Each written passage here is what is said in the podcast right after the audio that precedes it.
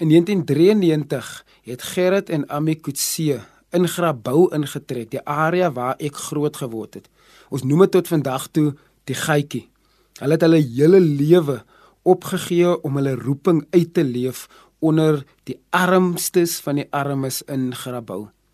En vandag luister jy na my as 'n produk van hulle werk en hulle roeping want dit was by hulle gemeente, hulle kerk waar ek tot bekering gekom het, waar ek 'n ware ontmoeting met die Here gehad het.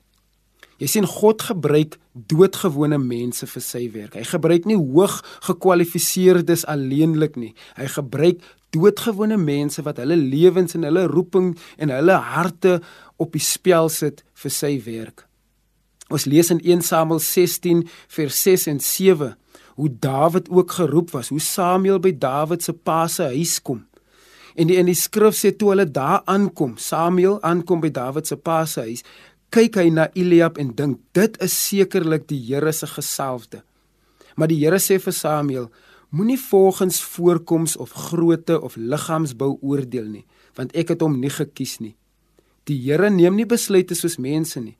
Mense oordeel volgens uiterlike voorkoms, maar die Here kyk na gedagtes en bedoelings. Met ander woorde, die Here kyk nie na hoe ons van buite lyk en roep ons nie. Die Here kyk hoe ons harte lyk en dan roep hy ons daarvolgens. Samuel het gekyk na hoe Dawid se oudste broer van buite lyk sterk gebou, maar die Here het gesien Dawid se hart is op die regte plek. Mag jy weet vandag en in al jou dae dat die Here jou wil gebruik as 'n doodgewone mens om buitengewone goed aan te pak vir sy naam, vir sy eer, vir sy koninkryk.